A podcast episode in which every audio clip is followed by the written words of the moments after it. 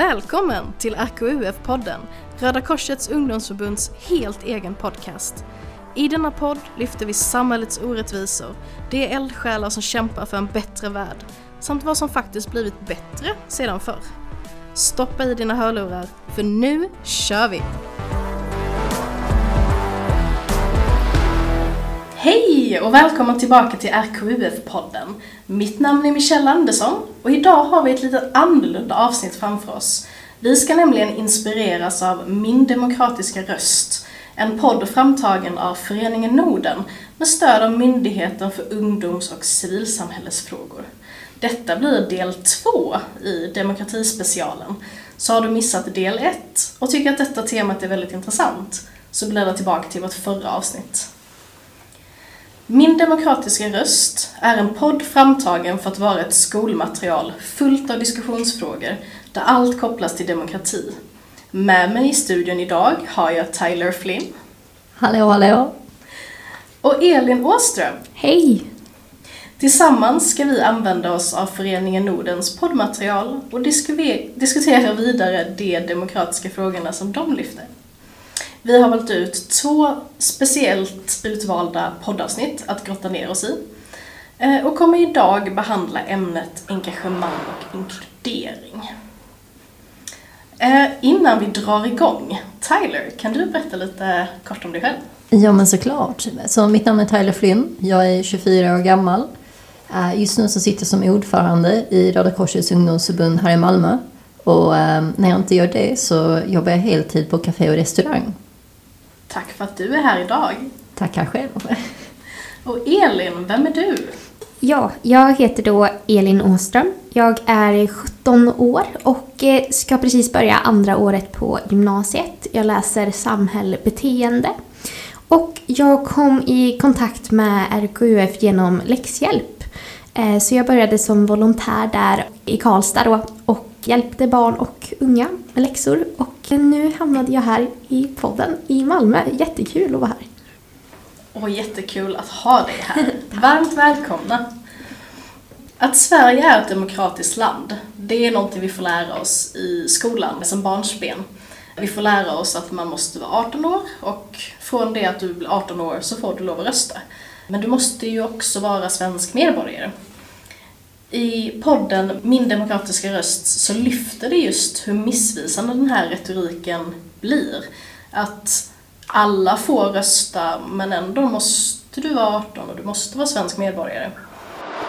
I hundra år har alla haft rösträtt. Innan dess så var det faktiskt bara män som fick rösta. Om man tänker på saken så får ju inte alla vara med och rösta nu heller i Sverige.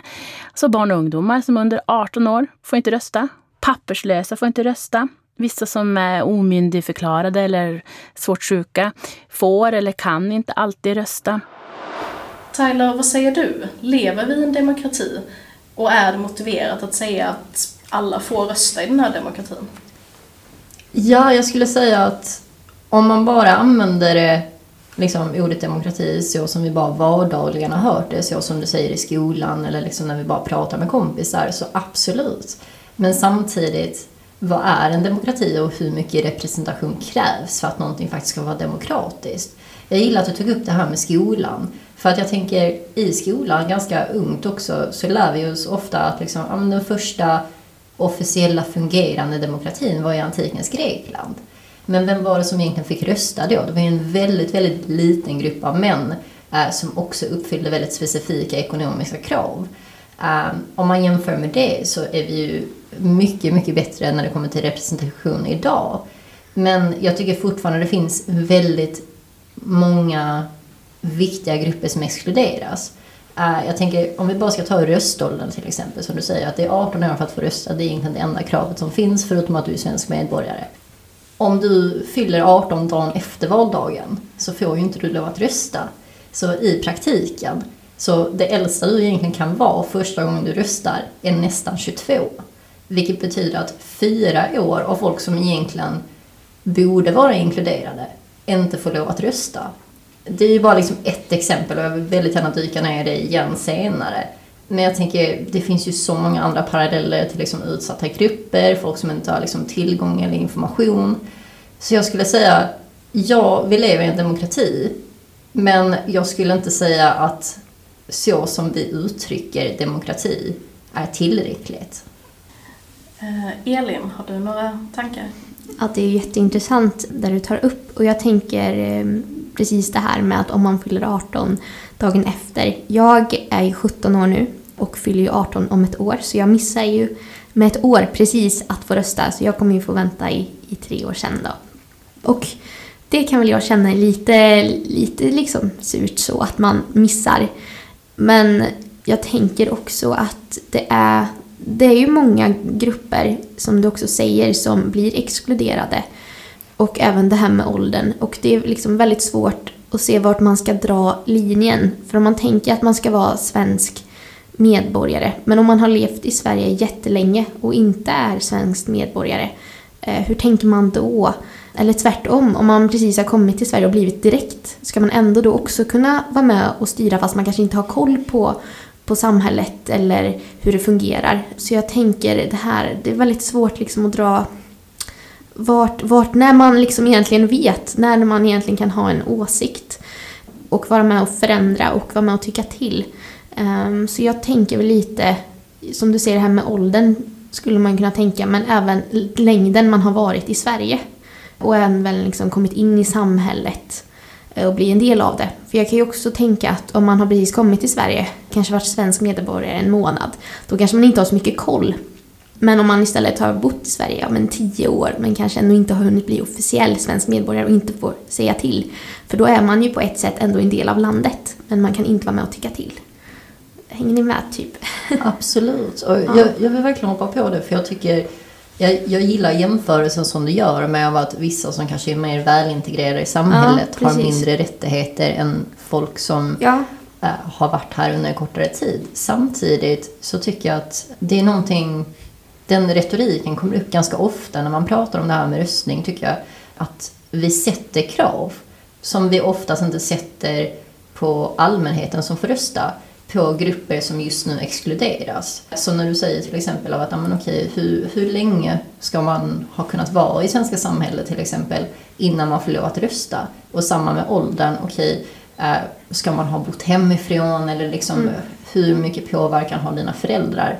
De kraven sätter vi inte på folk som är 18 och svenska medborgare utan det enda kravet som finns är att de uppfyller de punkterna. De behöver inte ha läst någonting, de behöver inte veta någonting om källkritik, de behöver inte ha rört sig utanför liksom sin by eller sin stad. Utan allt de behöver göra är att dyka upp och rösta. Jag tycker det är en väldigt intressant jämförelse, men jag tycker att det är en punkt som vi kan dra med oss till framtiden och som mm. jag tycker att när vi pratar om det rent generellt, att vi bör inkludera mer att okej, okay, varför uttrycka mig på detta sättet? Finns det ett sätt som vi kan flippa på det? Mm. Ja, för jag tänker det är väl helt okej okay för en svensk person som har flyttat till exempelvis Spanien och bott där i 20 år att rösta ja. i det svenska valet trots att de inte bor i Sverige. Det är ingenting som stoppar. Det tycker jag också är väldigt intressant. Precis, jag skulle ju kunna flytta, flytta iväg och ändå vara med och tycka och styra eh, i ett land som jag inte ens, inte ens bor i. Bara för att jag har liksom en medborgarskap där. Så det, det är också en otroligt bra tanke som jag också tänker man ska ta med sig till framtiden. Det blir ju väldigt mycket inputs av människor som det inte ens kommer att beröra sen. Jag tror också som, en, som ett praktiskt exempel där, eh, jag har till exempel medborgarskap i USA och har möjligheten att rösta om jag vill. Intressant nog så är det ju väldigt olika lagar beroende på vilken stat. Så man får inte lov att rösta i alla stater om det är så att du inte har bott där eller du inte har en familj därifrån. Så de har ju väldigt varierande krav. Men samtidigt, om man ska dra tillbaka det till hur vår demokrati är utformad i Sverige, så är det fortfarande mycket mer lättillgängligt att rösta här. Vilket jag tycker är ganska intressant för vi kan definitivt prata och ha nyanserade diskussioner om vem som får lov att rösta. Men samtidigt, om man får lov att rösta men du inte har möjligheten att ta dig till där du ska rösta eller du inte har möjligheten av att få tag på den formen av ID du behöver för att kunna rösta, då är du ju faktiskt i praktiken exkluderad. Vilket är ett väldigt stort problem som man ser i USA. Av att du måste registrera dig, du har inte möjligheten av att ta tid från jobbet alltid för att gå och rösta. Nej, um, det finns mycket varierande lagar medan i Sverige så är det egentligen bara att dyka upp man behöver faktiskt egentligen inte ha med sig ID heller. Har du med en kompis eller en familjemedlem som har ID och de kan säga detta är Tyler Flynn, detta är hennes personnummer, så får du lov att rösta. Äh, jag känner ingen som har gjort detta i praktiken så jag vet inte om det skulle vara så att man får följdfråga till det. Men rent praktiskt så ska inte du behöva visa ID om du inte har tillgång till det. Vilket jag kan tänka mig i denna tiden som, förlåt, äh, i tiden som vi lever i just nu av att det är väldigt, väldigt långa väntetider för att förnya sina pass och sina ID så är det ju jättebra. Medan när jag har försökt att registrera mig att rösta i USA, jag försökte göra det till förra valet. Det var kostsamt för att man behövde skicka iväg saker via brev. Eh, man fick en liksom, nej du får inte lov att rösta för att du hade skrivit i pappret fel. Då var det för nära valet, så då gick det inte att göra om det liksom. Och som du säger, jag påverkas ju egentligen inte direkt av vad som hade hänt efter valet där, för jag bor inte längre i USA. Men om det är så pass svårt för mig att rösta, ja. tänk hur svårt det är för folk som faktiskt liksom bor i områden där det inte finns tillgång till röstlokaler. Ja, jag tycker ni lyfter en väldigt viktig fråga också, just det här att ja, men i Sverige har vi ändå lagt valdagen en söndag så att de flesta ska kunna gå dit. Du kan även förtidsrösta långt, långt, långt i förväg. Så att skulle du jobba en söndag, ja men då går det att läsa. Jag tror också, om jag inte har helt fel, så eh, oavsett var du jobbar någonstans, om det är så att du inte har röstat och det är valdagen, så ska jobbet ge dig typ så här x mycket tid för att du ska kunna springa iväg och rösta. Eh, så du har fortfarande rättigheten att rösta även om du inte har hunnit planera in det i förväg. Ja, det är ju super. Tyler, du nämnde lite innan just det här med åldern och varför det är 18-årsgräns. Jag vet att i Min demokratiska röst så nämner de där i podden, ja men de, de är själva lite tveksamma på det här med 18-årsgräns, men tar också upp en intressant tanke om att, ja men hur, hur ung är man när man slutar vara influerad av sina föräldrar och bara röstar på det som familjen röstar på? Eh, att man inte får rösta förrän man är 18. Det kan också vara bra för att eh, man tar ju alltid när man är yngre efter sina föräldrar och då, kan jag, då blir det lätt att man följer ens föräldrars åsikter och då kan det bli att man inte har en egen vilja om man säger så. Har du några tankar där? Jo, absolut. Och jag, jag, tycker det går tillbaka lite till det här. Jag tror att det kommer bli en röd tråd genom avsnittet av att är det verkligen så här eller är det bara så vi har tagit för givet? Av att vara influerad av familj. Absolut, jag tror det är någonting som vi alla kan liksom gå med alltså hålla med om av att har man haft en familj som har lutat åt ett håll så är det oftast det du är influerad av först. Men samtidigt, ja, när du väl har flyttat hemifrån du kanske liksom har börjat vidga dina syner, du får mer information, du kanske har ändrat dig.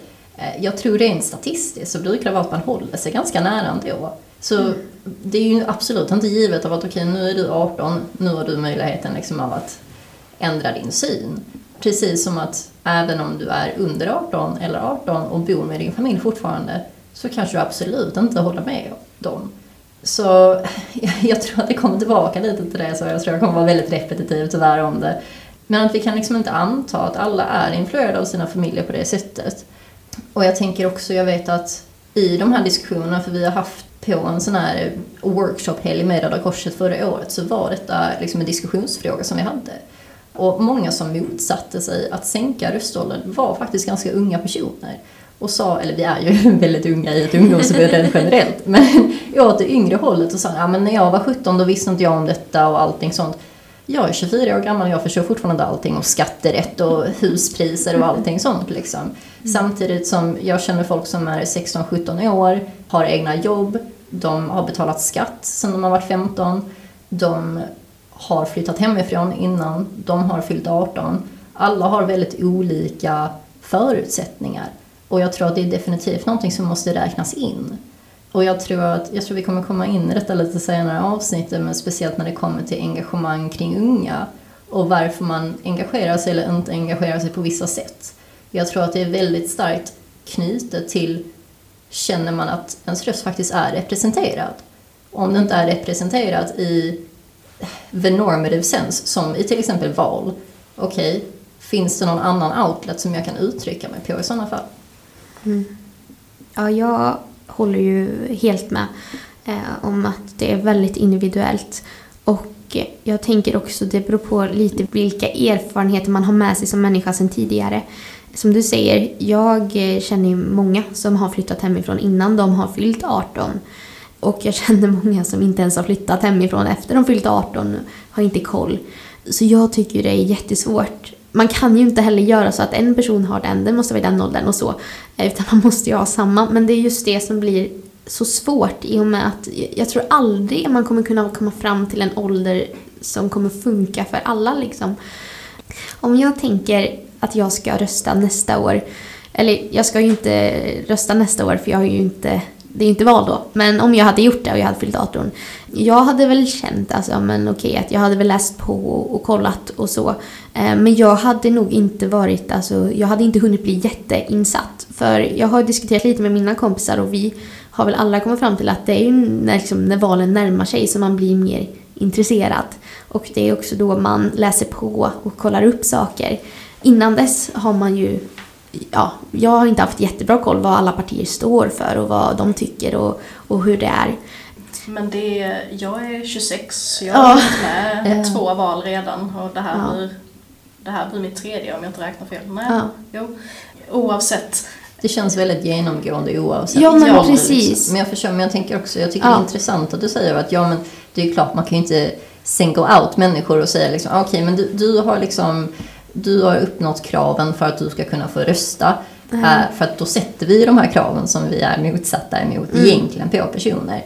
Men jag vet att det har ju funnits liksom frågor av okej, okay, kan vi kanske bryta upp sättet som vi bestämmer i mindre delar? Som till exempel när vi pratar om klimatfrågan så har det ju varit liksom, det har varit diskussioner, det har varit liksom jag vet att många miljörörelser har varit väldigt för att ha liksom en folkgrupp mm. som bestämmer kring dessa frågor. Eller har i alla fall mer makt kring det så att det inte bara ligger i politikers händer. Och jag tänker, om man pratar om till exempel val som görs för skolor. Det känns som att det hade varit väldigt givande att ha lite fler ungas röster i. Speciellt med tanke på att de som sitter och tar beslut kring skola och budget i nuläget. De var inte i skolan när gymnasie 11 gick igenom. Vi har haft flera olika skolsystem och sättet som betyg och sättet som utbildning sker idag är väldigt, väldigt annorlunda. Och jag ja. tror att desto längre man kommer ifrån att ha varit i skolan, desto mer får du lite så här nostalgiska liksom, glasögon på dig. Så att då ser du inte all skit som gick igenom.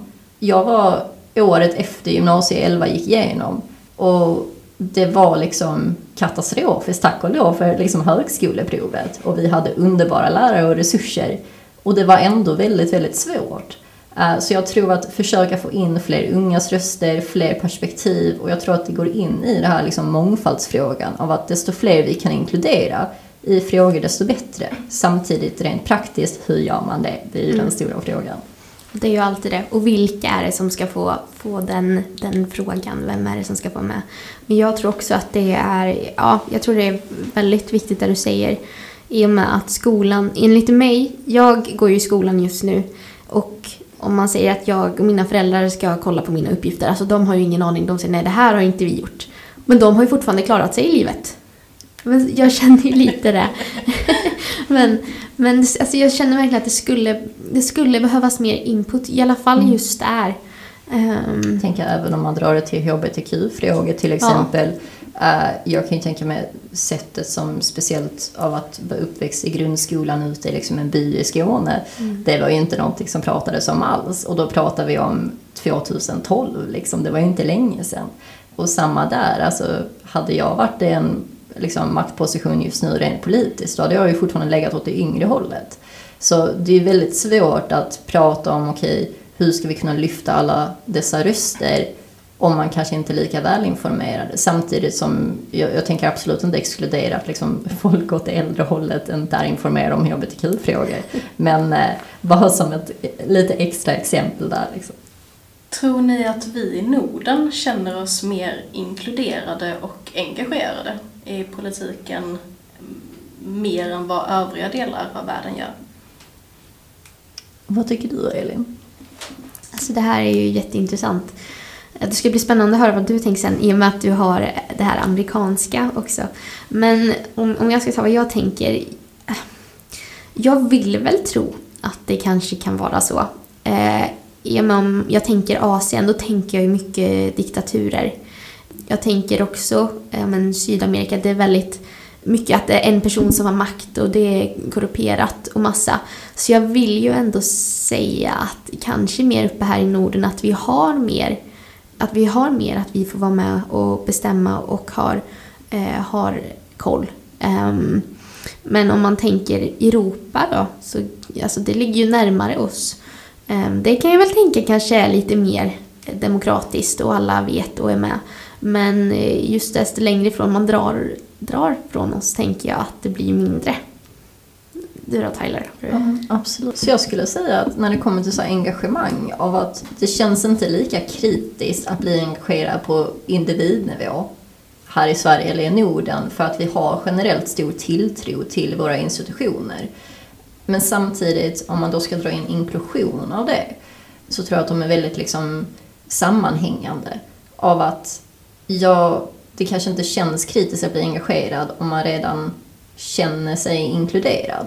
Mm. Uh, samtidigt är man inte inkluderad. Vi säger, ja, men vi tar miljörättsorganisationer, speciellt från ungdomsåldern, liksom Fridays for Future till exempel. Uh, då har du ungdomar som har valt att satsa väldigt mycket på en sakfråga för att de känner att sina röster inte hörs och inte är inkluderade. Så jag tror att det är lite beroende på vem man pratar med. Uh, jag tror att det snabba svaret man hade gett, jag tänker om jag hade liksom jämfört det med USA, absolut att vi är inkluderade. Men om man faktiskt ska liksom bryta ner det, nej okej, har vår idé av inklusion faktiskt ändrats väldigt mycket under de senaste liksom 10-20 mm. åren? Finns mm. det mer vi kan göra? Absolut. Mm. Men jag tycker speciellt det här med engagemang är väldigt intressant för jag vet att någonting som man hör väldigt ofta med liksom RKUF här i Malmö, vi har haft väldigt många underbara möjligheter att prata med folk i kommunen, sitta i typ så ungas referensgrupp. När det kommer till liksom typ så att ta fram nya hållbara policies. Och vi märker ju där av att det, det är mycket som sägs av vad ska man säga, vuxna vuxna liksom. Som, sägs, som sägs bara i förbifarten. Liksom, typ så här, ah, men, ni är så engagerade, men alla unga är ju inte så. Varför är unga inte engagerade? Och jag tycker att man har man frågar väl kanske inte rätt fråga i sådana fall utan jag skulle vilja ställa tillbaka. Varför känner unga att, de inte, att det inte är värt att engagera sig? Att det känns väldigt plastigt ibland. Mm. Uh, och jag vet att vi pratar väldigt mycket om youthwashing till exempel när det kommer till det av att ja, vi kan bli inbjudna till vissa rum.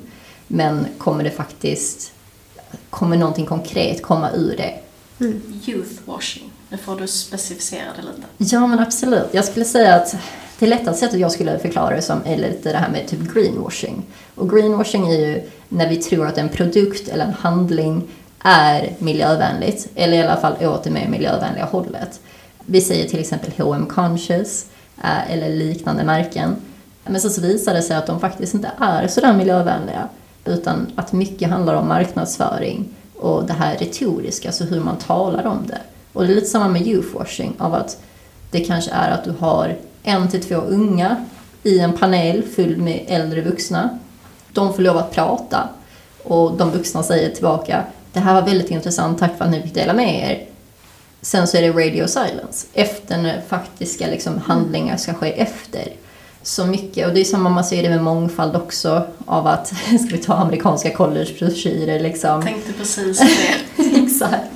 Så det är hur jag skulle förklara youthwashing i alla fall. Ja, ja men super. Och jag, jag instämmer med båda två.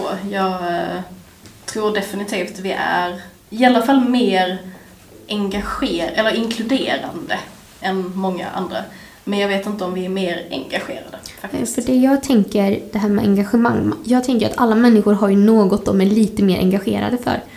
Om jag tar mig till exempel. Jag jag skulle vilja säga att jag kanske är lite mer intresserad av mänskliga rättigheter än om klimat. Så om jag skulle få en fråga om klimat, då kanske, eller jag hade ju varit engagerad för jag bryr mig ju, men det är kanske inte är det jag liksom brinner för. Och då kanske inte jag hade liksom varit så exalterad, eller om man säger så, som om det hade varit mänskliga rättigheter, för då hade jag mer varit på liksom och velat engagera mig mer. Ehm, just för att jag, ja, jag tycker det är en väldigt viktig fråga. Och jag tänker att det blir väldigt viktigt just här när man, när man liksom ska inkludera andra, att det är något de måste vara engagerade av för att det ska kunna hända något. Ja men absolut. Lite som att det ska vara rätt personer i rätt rum. Exakt. Och det känns som att i nuläget så finns det ganska mycket dissonans mellan engagemang och inkludering. Mm. Så om vi bara ska dra tillbaka det till liksom RKUF. Mest för att det är sättet som jag personligen har varit mest engagerad i. Så det är där jag kan ta det mesta av liksom mina historier. Som sagt, vi har ju haft möjligheten att bli inbjudna till väldigt många rum. Samtidigt så har vi också lärt känna fler personer i andra mindre ungdomsrörelser i stan. Speciellt som är med och intresserade av till exempel miljön. Eh, någonting som jag kanske inte skulle säga att jag personligen är, utan kan jag lyfta upp de rösterna underbart. Mm.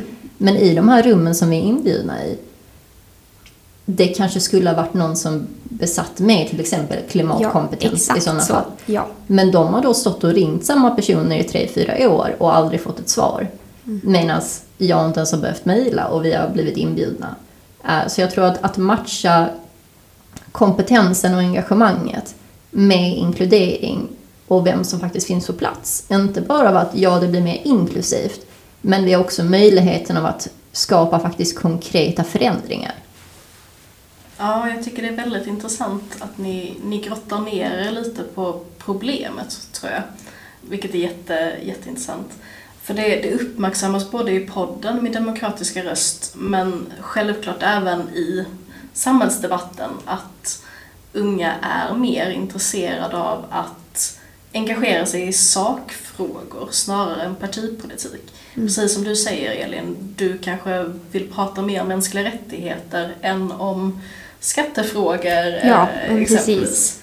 Och det, man ser alltså en större trend att ungdomar slutar engagera sig i politiska ungdomsförbund av just den anledningen och istället engagerar sig mer i ja, men, miljö, Fridays for Future eller djurrättsorganisationer. Men just det här att det är enskilda sakfrågor som mer attraherar ungas engagemang. Vad tänker du kring det? Man kan omformulera frågan, vad får oss att bli engagerade i politiken? Och då tror jag att ett problem kan vara det. Och då tänker jag miljöfrågan, det är en sakfråga. Eh, konflikter kan också vara det, alltså ideologiska konflikter. Men jag tror också en sak som kan få oss att engagera oss, det är när vi känner att det betyder någonting. Det vill säga att om vi engagerar oss så, så händer det någonting. Någon ser det och uppmärksammar det. Och där tror jag att många ungdomar idag kanske känner att eh, och framförallt vad gäller miljöfrågan, att det inte händer så mycket. Där tror jag är viktigt eh, för att man ska engagera sig, att man känner att det, det händer något. Vad tror du Tyler är anledningen till att sakfrågor intresserar mer? Alltså jag skulle väl säga att, man kan ju såklart inte tala för alla ungdomar, vilket jag tror, det går också tillbaka till youthwashing, av att ibland när man står där som den enda unga personen i ett rum, av att man känner att man måste tala för en väldigt stor grupp av människor som är mycket, mycket mer mångfaldig än vad man själv kan uttrycka sig. Men att man går ifrån detta, det känns lite som att så som jag har märkt i alla fall och så som jag känner själv är att man tappar lite tilltro till det politiska systemet. Så att även om man kan liksom säga ja, jag tycker att grunden som vi har är väldigt stark, den är väldigt god och det känns inte som att en eller en liten grupp av människor kan förändra detta drastiskt. Så känns det inte som att det har funnits någon bastant utveckling. Utan det är väldigt mycket tomma löften. Och jag tror speciellt, lite som du säger Elin, att ja, men nu när det är liksom närmare till valet då börjar man kolla på liksom partipolitiken lite mer. Och det känns som att allting är ganska lika. Speciellt om man då har röstat i ett eller två val innan. Av att det känns inte som att man har sett sådär jättemycket förändring. Uh, och jag tror att en del av det har ju absolut med att liksom, okej okay, det här med ekonomiska förändringar, sånt kan ta 10 plus år innan man faktiskt ser någon stor förändring. Men speciellt när det kommer till alltså, hbtq-frågor, klimatfrågorna speciellt, skolan. Jag vet att eh, ordföranden i eh, Röda Korsets ungdomsförbund nyligen eh, publicerade en artikel i Svenska Dagbladet som handlar just om att våra frivilliga i RKUF och i andra ideella föreningar kan inte lyfta upp de stora problemen. Alltså vi kan liksom inte vara ett plåster för de problemen som finns när det kommer till resurser i skolan. Och jag tror att när man ser sånt hela tiden och det känns som att saker förflyttar sig i snigelfart så känns det som att okej, okay, det funkar inte att gå den här klassiska rutten. Nu köttar jag väldigt, väldigt hårt på en specifik sak istället. Det är i alla fall viben som jag har fått av det. Men var, varför tror du det har blivit så nu? Är inte det här en problematik som fanns för 20 år sedan också? Jo, absolut. Men jag tror att sociala medier har nog en väldigt stor del att göra med det och att det är lättare att hitta grupper som känner likadant som dig. Eller i alla fall som delar samma engagemang. Så att jag tror att innan, då hade du ju liksom partipolitiken och kunde säga att okej, okay, men är du mer intresserad av men arbeta rätt eh, och liksom bistånd och allting sånt, ja, men då kanske du går till ett parti. Om du är mer intresserad av att det ska vara lite mer liksom privatekonomi, då går du åt ett annat håll. Eh, och då kan du hitta liknande åsikter och liknande engagemang där. Medan nu har vi möjligheten att organisera oss mer specifikt, vilket jag tror är underbart. Det är definitivt av att då tappar man ju kanske lite av den glöd som hade kunnat finnas om fler unga blev engagerade i partipolitik. Men jag vet inte, det, det är vad jag skulle theorize om i alla fall. Håller du med Elin eller du har andra tankar? Nej men jag, jag tycker det låter jättebra. Och jag tror just det här med att det är så mycket man måste läsa in sig på för att kunna stå för ett parti. Det är inte bara en sak som kanske en, en annan ideell förening har, utan de, ja, de står för det här. Utan ett parti har ja, hur många olika stadgar som helst man måste läsa på och man ska kunna stå för allt. Och då tänker jag att eh, ja, men vi människor, vi, vi vill ju ha det rätt enkelt. Så är det väl. Det är väl mycket, alltså det känns som man kompromissar ja, ganska men mycket precis. ibland. Och då går man åt det hållet, ja men jag står för den där saken. Sen är det klart liksom. Men som du också säger att då kanske mer glöd just i det, det blir mer engagemanget. Och man vill då inkludera sig i det, man vill vara en del av det. Medan i politiken, det är så mycket hela tiden. Och man kanske inte hittar just exakt människorna som är lika en själv på samma sätt som man gör i de andra. Men absolut, och jag tror att ibland, och detta går ju inte bara för liksom partipolitiken, och jag, jag tycker också ibland inom ideella föreningar mm. också, mm. om man har äldre föreningar som är väldigt administrativa och har en väldigt stark byråkratisk grund. Det är jättebra för transparens. Men samtidigt så blir det ofta att man faller liksom i samma mönster, mm. precis som man gör i partipolitiken. Och det känns mer och mer som typ alltså lite av ett spel. Och det känns som att det, det börjar spegla lite, absolut inte lika dramatiskt, men det, för mig känns det som att det speglar mer och mer den här liksom politiska spelet som man ser i USA till exempel. Av att okej, okay, detta är marknadsföringen till det, vi måste sälja in oss på detta sättet. Och jag förstår att det finns ju en del av det som behöver finnas i politik och när man försöker framföra liksom sina åsikter. Men jag tror att många unga motsätter sig det här plastiga beteendet av alla de här tomma löftena. Kan en, eh, och nu bara spånar vi, kan en eh, vidareutveckling på demokratin vara just det här att partierna blir mer sakfrågor?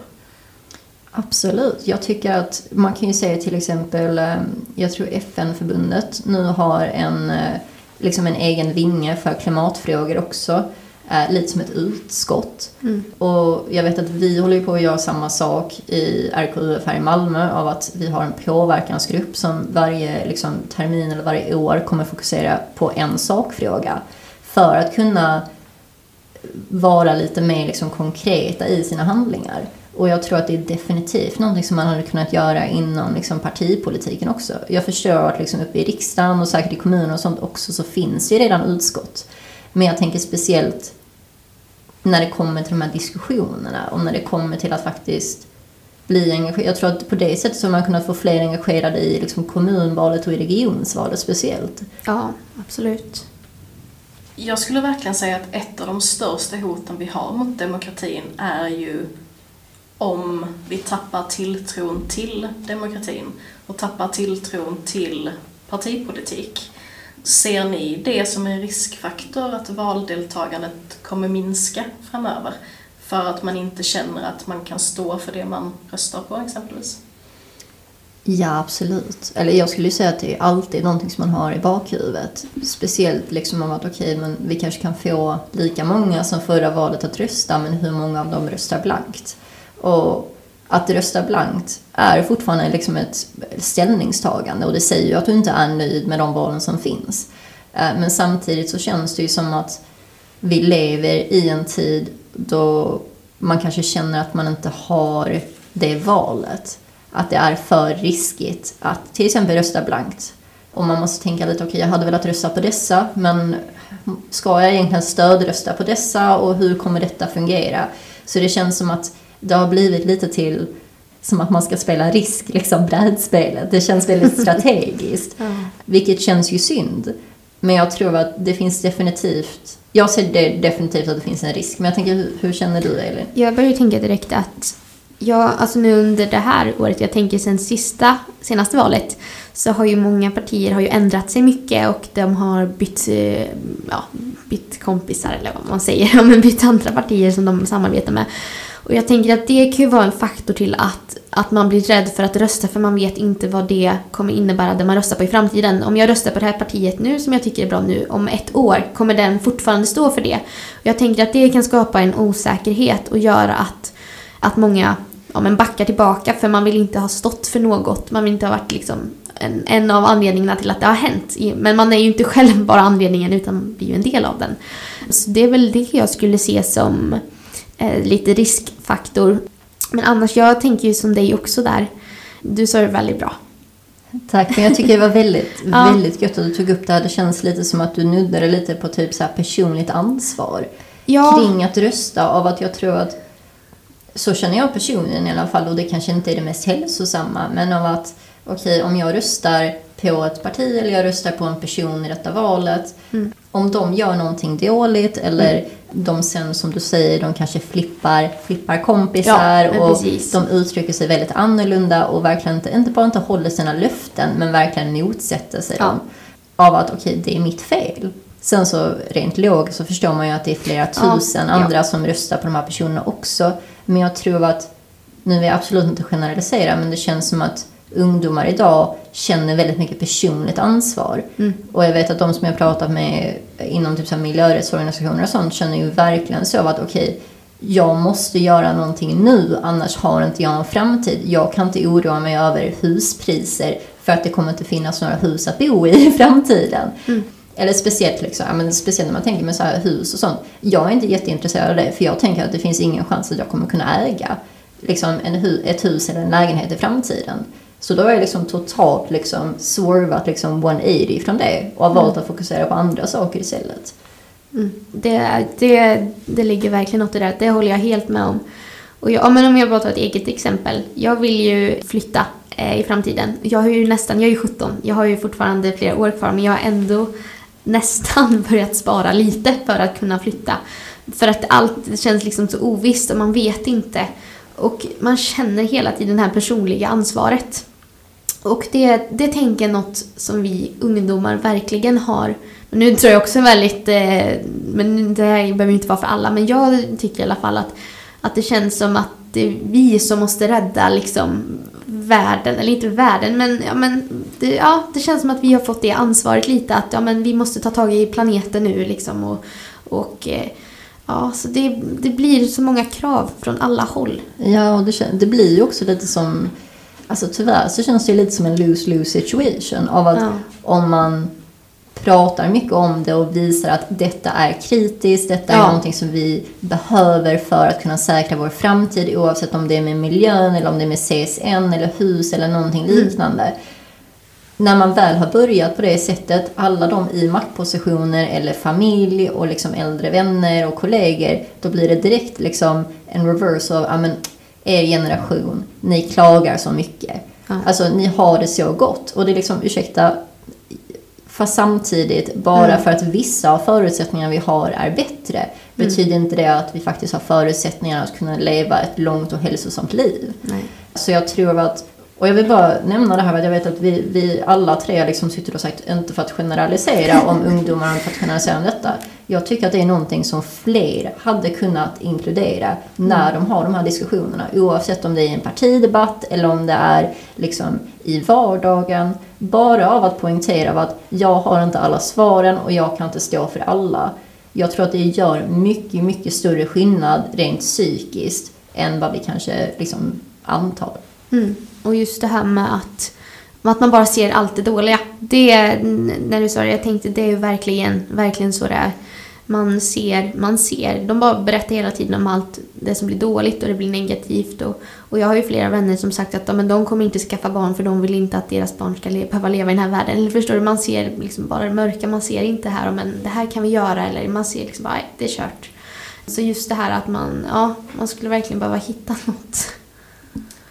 Och vi har ju pratat tidigare i RKUF-podden om just klimatångest och att Mm. den är rätt så stor generellt sett bland den yngre målgruppen. Ehm, Men vad, det, det är ju inte bra att man ser världen så mörk. Har ni några tips på hur man ska ta sig ur det här? Och om man känner att framtiden är mörk, vad kan man då göra? Alltså nu kommer detta låta lite som en recruitment ad, men jag skulle ju säga att bli engagerad lokalt gör sån stor skillnad. Alltså, när jag pluggade på universitetet och har tagit ett sabbatsår nu, det som jag pluggade var för att målet var att kunna jobba inom bistånds, jobba inom samhället oavsett om det var civilt eller privat. Och en del av det var att, okej, okay, medan du pluggar så behöver du liksom bli engagerad. Oavsett om det är via internships eller om det är via, vi säger RKUF, det hjälper ditt CV. Alltså ska man vara rent crass, det hjälper ditt CV för att hitta jobb senare. Men det fanns så mycket alternativ och man var ju så pass intresserad av allt så man visste inte var man ville börja. Och när jag väl hamnade i RKUF då kändes det som att okej, okay, detta är väldigt konkret. Jag började på läxhjälpen också, likt dig Elin. Och då är det inte som att du har liksom, okej, okay, nu måste jag fokusera på liksom klimat och ekonomi och allting, utan nu har jag en väldigt specifik uppgift och jag kan se att det faktiskt bidrar positivt. Mm. Jag tror att det gör väldigt, väldigt stor skillnad. Och jag tycker inte att, okej, okay, du behöver inte bli läxhjälpare för att sen kunna gå med i någon styrelse eller någonting sånt. Om det är någonting du är intresserad av, jättebra. Men jag tror, även om det är en gång i veckan, en gång varannan vecka, att kunna engagera sig lokalt med grupper av människor som du kanske inte oftast hade blivit exponerade till eller aldrig hade haft konversationer med. Det gör så mycket för själen. Alltså, jag tror att inte att man själv kan liksom hjälpa någon utan bara den personen av att du växer så mycket som person och du känner så mycket glädje. Och jag tror att när det kommer till ångesten kring framtiden, det är ju någonting som personen har hjälpt mig väldigt mycket i alla fall. Ja, och jag drar också lite vidare på det här med engagemang. Men jag tänker att man tar reda på information. Jag hade en jätteintressant skoluppgift. Ehm, vi skulle göra en presentation eh, och vi fick välja om vi ville skriva om att världen blir bättre eller om att världen blir sämre. Och då tänkte jag men jag ska liksom skriva om att världen blir bättre. Så då googlade jag ju massor och fick, då fick jag faktiskt fram massor av bra saker ehm, som jag inte, inte hade någon aning om. Till exempel att eh, folk i Afrika får mer vatten nu, eh, det byggs skolor, ja, men massa olika. Och det hade jag aldrig fått reda på om jag inte hade tagit reda på det. Så det skulle jag verkligen skicka med, att ta reda på det. Även om det känns tråkigt, gör det då för din egen skull för att få något positivt för framtiden. För det, det hjälpte mig. Ja men super. Och det går ju faktiskt in lite på eh, min sista fråga för dagen. Är det någonting du Elin vill skicka med till lyssnaren av, av det här avsnittet? Engagemang och inkludering? Ja, nej men jag, jag tänker väl att när man engagerar sig så får man med sig så mycket saker på, på köpet. Om jag bara tar ett eget exempel, när jag började med läxhjälpen. Eh, jag började det bara för att min kompis var med. Och jag har fått med mig massor av saker av det. Jag sitter här nu och poddar liksom och jag har träffat massor av intressanta människor bara för att jag började att engagera mig. Och då blev jag också inkluderad i saker och hamnade i, i situationer jag kanske inte hade hamnat i annars. Um, så jag vill verkligen skicka med att våga engagera dig. Eh, för jag tänker att det är ett steg på att kunna bli inkluderad. Och våga engagera dig i politik, liksom sätt dig ner och läs igenom på riktigt, även om det känns jobbigt eller tråkigt. Jag fattar det. Men bara för att få mer liksom, ett engagemang och kunna inkludera dig mer. Så det skulle väl jag säga. Du då Tyler, har du något du vill? Ja, men jag tycker du, du sa det så bra som det är redan. Men, eh, alltså, jag, ja, men lite samma där, liksom, engagemang och inkludering. Jag tror det är två olika punkter. Av, först och främst, vad är du intresserad av? Det behöver inte vara sakpolitik, det behöver inte vara partipolitik. Det kan vara fotboll, det kan vara någon mm. sport eller någonting. Du har så mycket möjligheter för att liksom hitta ett umgänge. Och jag förstår också att vi sitter här nere i Malmö, en av Sveriges största städer, av att det är såklart att det finns fler alternativ här nere. Men vi säger med till exempel liksom RKUF, mm. vi är ju alltid intresserade av att starta liksom nya liksom, lokalverksamheter oavsett var man befinner sig. Så jag tror att först och främst, liksom, vad är du intresserad av? Och sen, finns det någonting som liksom runt om mig som faktiskt inkluderar detta? Eller ska jag starta någonting? Även om det är liksom bara på helgen eller någonting liknande.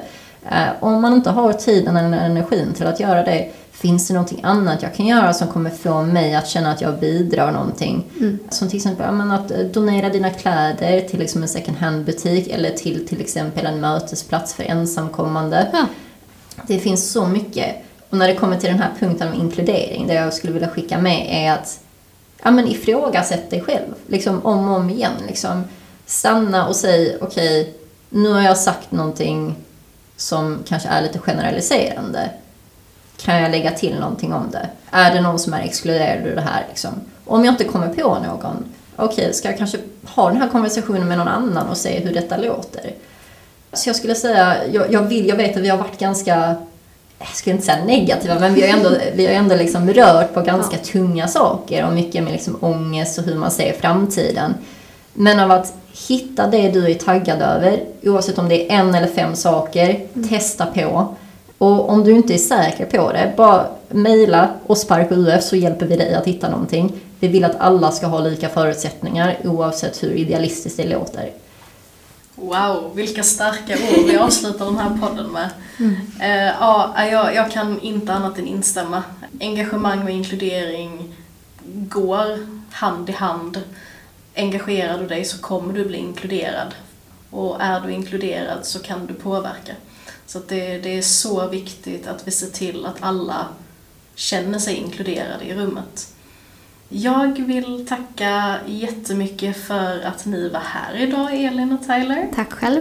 Tack så jättemycket. Och tack Elin för att du kom ner hela vägen från Karlstad. Ja, men du, tack för att ni hade mig. Jag har haft en jättebra tid och eh, trevligt att träffa lite nya människor. Eh, som sagt, engagemang och inkludering. Helt rätt, helt rätt. Och tack till dig som har lyssnat. Jag hoppas du tyckte att den här demokratispecialen var intressant. Ha det bra! Hej då! Hej då! Tack för att du lyssnade. Glöm inte att trycka på följ eller prenumerera-knappen i den poddtjänst du lyssnar på för att inte missa när vi släpper nytt avsnitt. Vill du nå oss så går det alltid att mejla podd.rqf redcross.se Kanske har du tips på avsnitt du gärna hade velat höra eller andra inspel. Tills nästa gång, ha det bra!